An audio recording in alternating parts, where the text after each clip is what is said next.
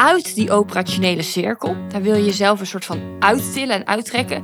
En dan wil je jezelf in die andere cirkel neerzetten. Dus veel meer de positioneringscirkel, de zichtbaarheidscirkel, de netwerkcirkel.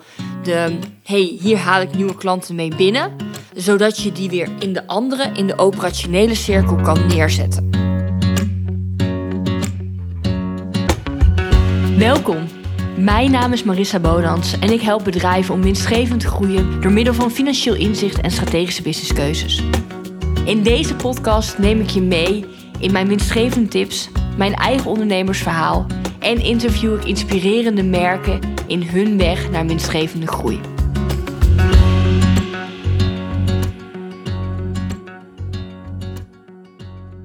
Een goede morgen, of in ieder geval voor mij is het ochtend. Welkom bij weer een nieuwe podcast. En ik wil het in deze podcast met je hebben over opschalen, grote groeien, wat je moet doen om je doelen te realiseren.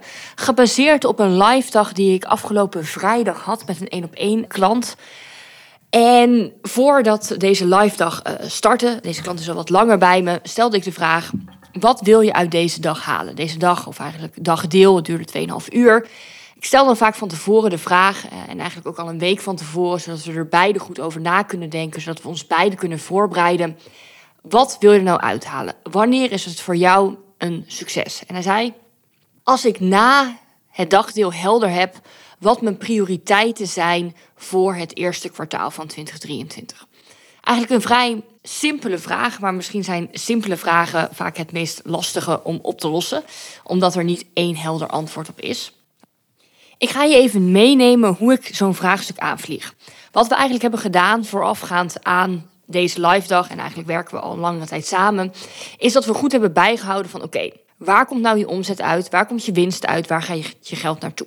En voordat we aan deze dag begonnen, had ik al heel erg zelf bedacht: oké, mijn inzien zou een van de prioriteiten moeten zijn om veel meer je systemen te optimaliseren en te automatiseren. Want volgens mij verlies je daar enorm veel tijd en zit er een enorme blokkade op. Oké, maar dan moet ik even heel veel tijd investeren. Dan moet ik misschien wel even iemand inschakelen. Dan moet ik het anders gaan doen.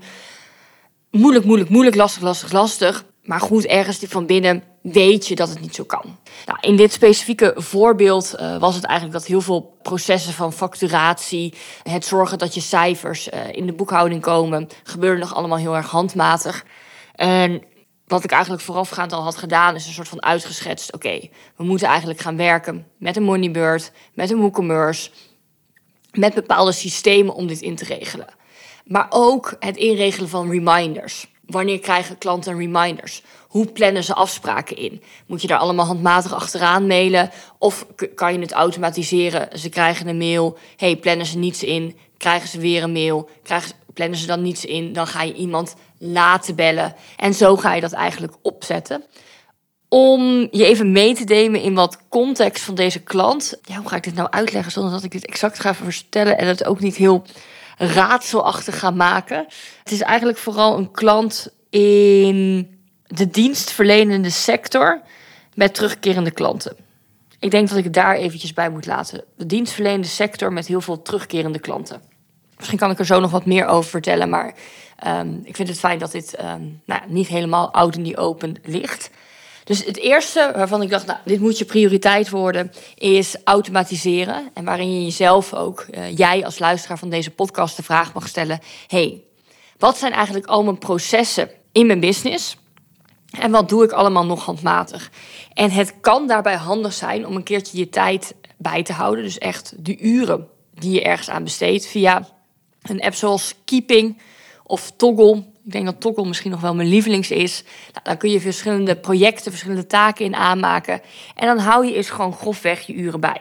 Moet je denken, nou, die app, dat wil ik allemaal niet. Leg desnoods gewoon een papiertje naast je bureau en schrijf daar kort per dag even op wat heb je gedaan.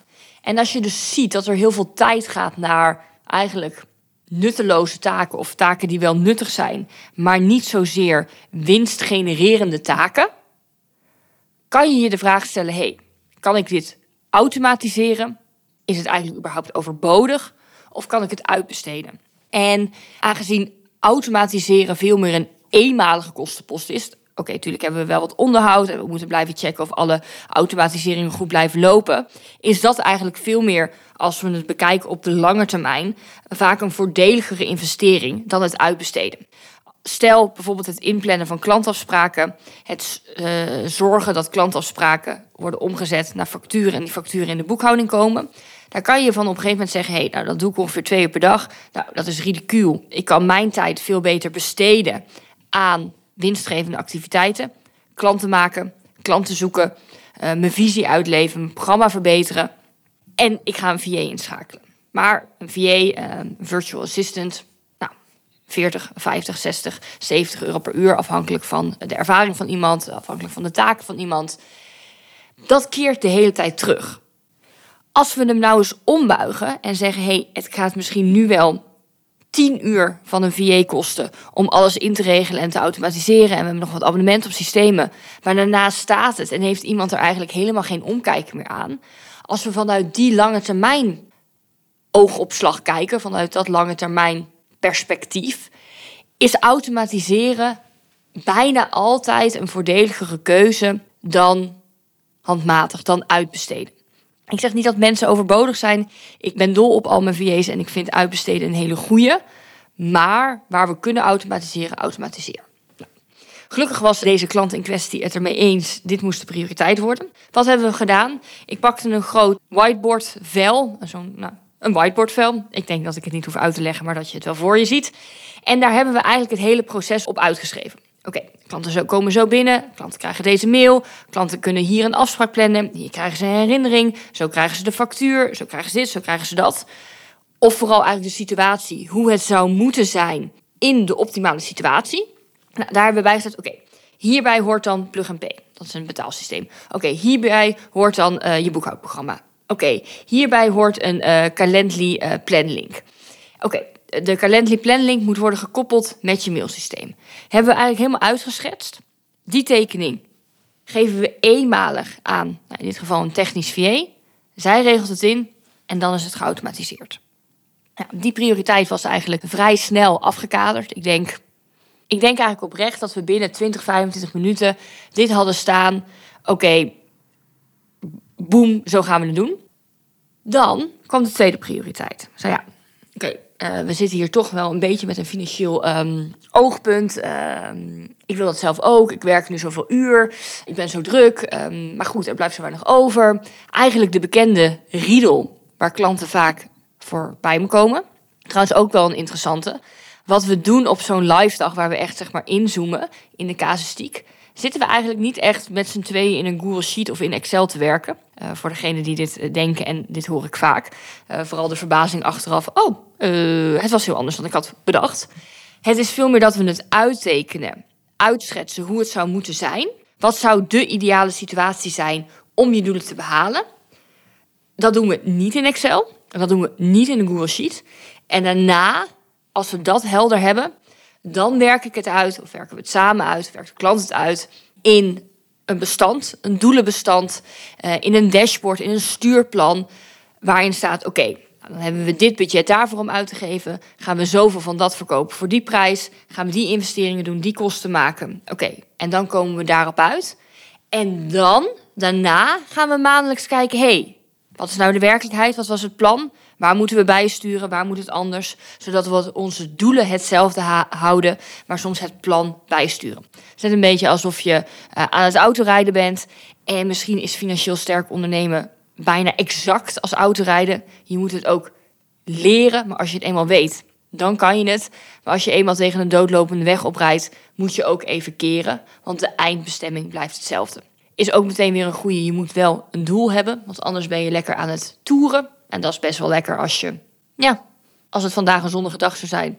Het is overigens een zeer koud, want ik was net aan het fietsen buiten zonder handschoenen. En toen dacht ik, nou, daar is het toch echt niet meer het weer voor. Maar als je zou zeggen, nou, ik zit lekker in de, ik zou lekker in mijn cabriootje buiten zitten. Ik ga lekker, uh, lekker rondjes rijden. Ja, dan, dan mag je geen doel hebben. Nou, ik ga vanavond toevallig naar mijn ouders toe om Sinterklaas te vieren. Nou, dan heb ik toch werkelijk een bestemming. Ik weet nu de weg ondertussen uit mijn hoofd. Maar anders had ik het doel ingevoerd op de navigatie, omdat ik dan weet waar ga ik links, waar ga ik rechts.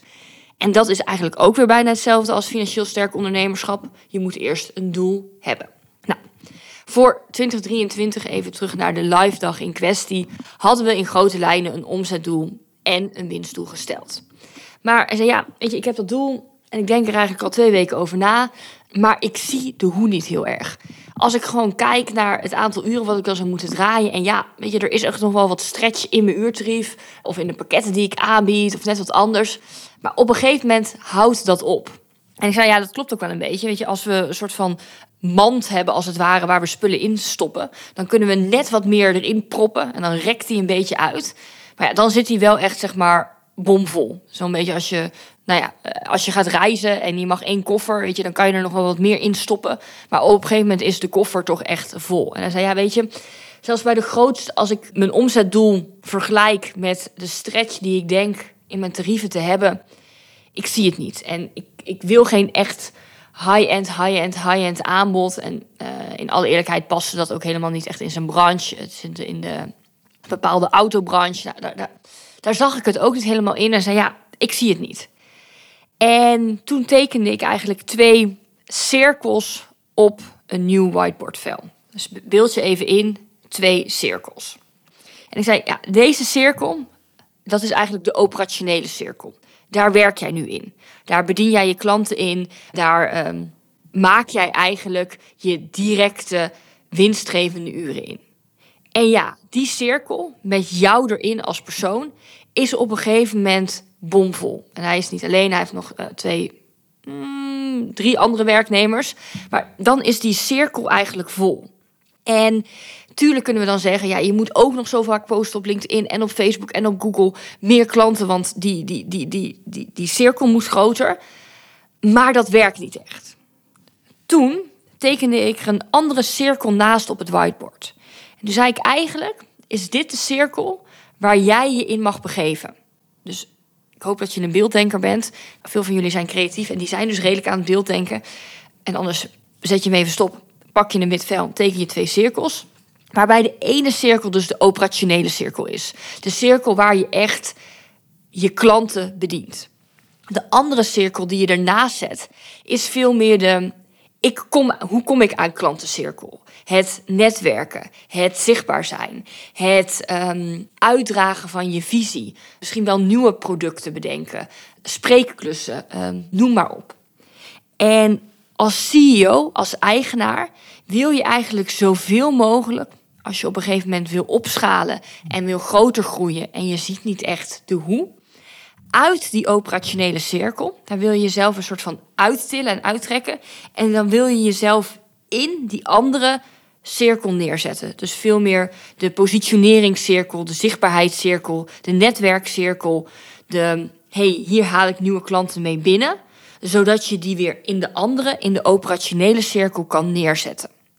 Ja, oké, maar daar heb ik dus geen tijd voor. Dat is vaak het antwoord wat ik krijg en wat ook deze beste man, van mijn favoriete klanten in kwestie, zei. Maar als je jezelf de vraag stelt, niet hoe moet ik het dan doen, maar wie moet het doen, weet ik zeker dat je jezelf uit die operationele cirkel kan trekken en in die netwerk, zichtbaarheids, branding, positioneringscirkel kan neerzetten. En ja, ik weet, er is een enorm verschil tussen netwerken, branding, positionering, maar ik hoop dat je in grote lijnen snapt wat het verschil is met die operationele cirkel. En er is een boek, Hoe, Not How, sluit hier eigenlijk exact op aan. Dus als je denkt, ja, maar dat kan niet, want ik heb zoveel klanten en klanten komen echt voor mij en klanten willen dat ik het doe, dan zit je in die operationele cirkel. Maar als je je echt afvraagt, moet ik dit allemaal zelf doen? Of wie zou dit voor mij kunnen doen? Dus eigenlijk delegeren, uitbesteden, optimaliseren, automatiseren.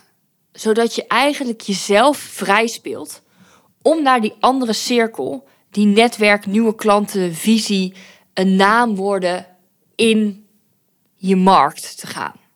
En ja, daar zit in het begin waarschijnlijk enorm veel weerstand op. En als jij nu een soort van ratel in je hoofd hebt, vol weerstand met, ja oké, maar klanten komen echt voor mij, maar niemand kan dit product zo goed maken als ik. Ja, maar ik heb dit ooit bedacht. Oké, maar misschien gaat het dan wel fout. En nou, je kent eigenlijk wel de weerstand. Dan raad ik je als allereerste aan om het boek te lezen hoe, not how. Dus eigenlijk je steeds zelf jezelf steeds de vraag te stellen: niet hoe moet ik dit doen, maar wie kan dit doen?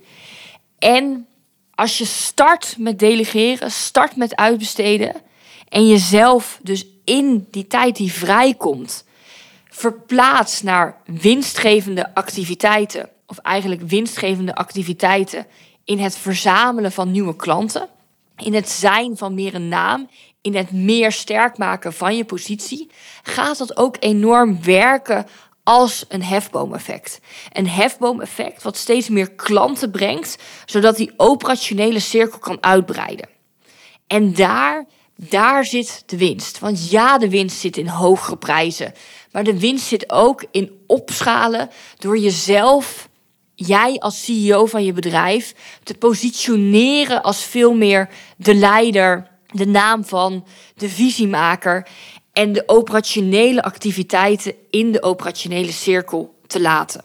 En ja, daar moet je tijd voor in investeren. En als ik naar mezelf kijk, en het is best wel een geinig proces eigenlijk, want soms kun je heel erg met klanten bezig zijn. En ik ben benieuwd of je dat herkent. Waarvan je denkt, oh ja, dit is best wel een casus die eigenlijk bij mezelf ook speelt. En als ik dan kijk hoe die bij mezelf tot uiting komt, bijvoorbeeld in mijn programma de Money Making Impact School, geef ik zelf uh, natuurlijk de QA's um, en de inzicht masterclasses en de, en de live dagen. Maar heb ik ondertussen iemand die mij helpt, um, een fantastisch teamlid, um, die mij helpt met alle vragen in de uh, Excel-bestanden, in de Google Sheets, in de, met de financiële vragen van de groep. En hij begint daarmee. Ik lees daar doorheen en zeg: Ja, eens, niet eens. Oké, zou het anders doen? Oké, ja, had ik ook zo aangepast. En daar werk ik hem A mee in, zodat hij nog beter wordt dan ik zelf. En B, het geeft mij enorm veel ruimte om in die andere cirkel, oké, waar wil ik met mijn bedrijf heen? Hoe kan ik nog meer klanten aantrekken? Hoe kan ik nog meer mensen helpen met financieel sterk ondernemerschap aan te trekken, zodat die operationele cirkel weer groter wordt?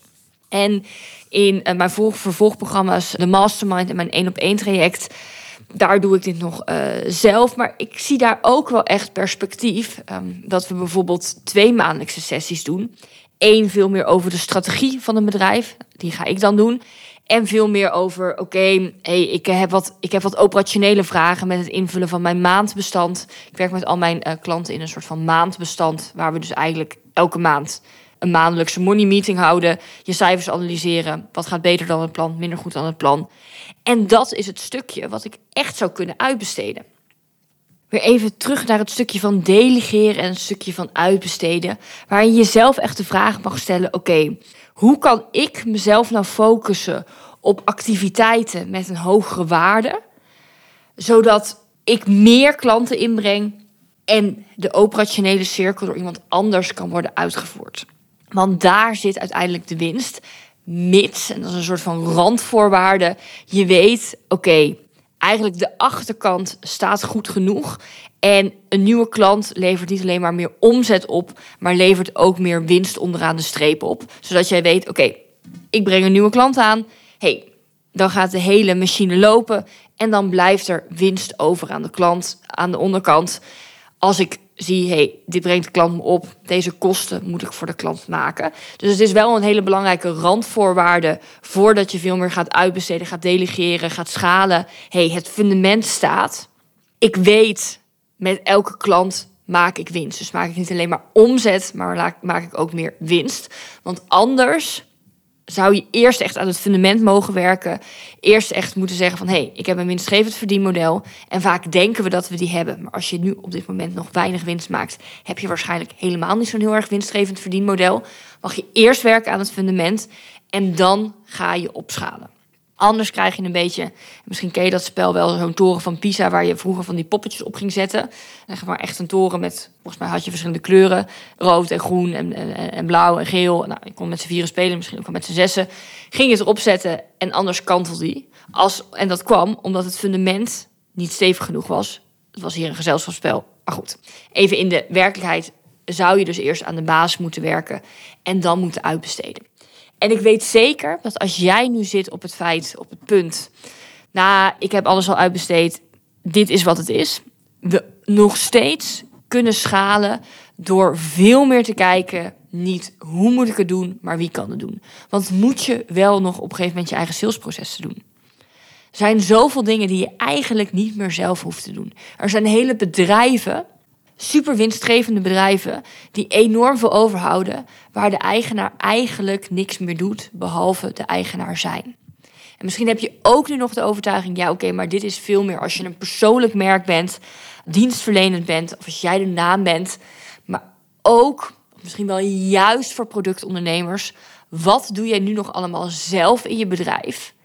En wat van die activiteiten kan je ofwel automatiseren, dus één keer misschien wat meer investeren, maar dan staat het en heb je dus niet herhaaldelijk maandelijks arbeidsuren nodig. En wat kan je uitbesteden, zodat jij jouw aandacht, jouw tijd, jouw focus, jouw energie kan richten op de higher value activities. De activiteiten die echt winst genereren voor jouw bedrijf. Dat is de vraag die ik je wil meegeven. Loop je erop vast? Wil je erover sparren? Stuur me vooral een berichtje. Dat kan op contact.marissabonans.nl. En wil je werken aan jouw financiële fundament, zodat de basis goed staat en we vanuit daar kunnen groeien en kunnen schalen? Neem dan een keer deel aan mijn gratis masterclass in vijf stappen meer financieel inzicht en winst voor jouw merk. Inschrijven kan via www.marissabonans.nl. We spreken elkaar. Vond jij deze aflevering nou waardevol en wil jij ook winstgevend groeien met jouw bedrijf? Stuur me dan vrijblijvend een DM op Instagram, marissa.bonans. Stuur me een mail op contact.marissabonans.nl of neem een kijkje op mijn website www.marissabonans.nl. Ik spreek je snel.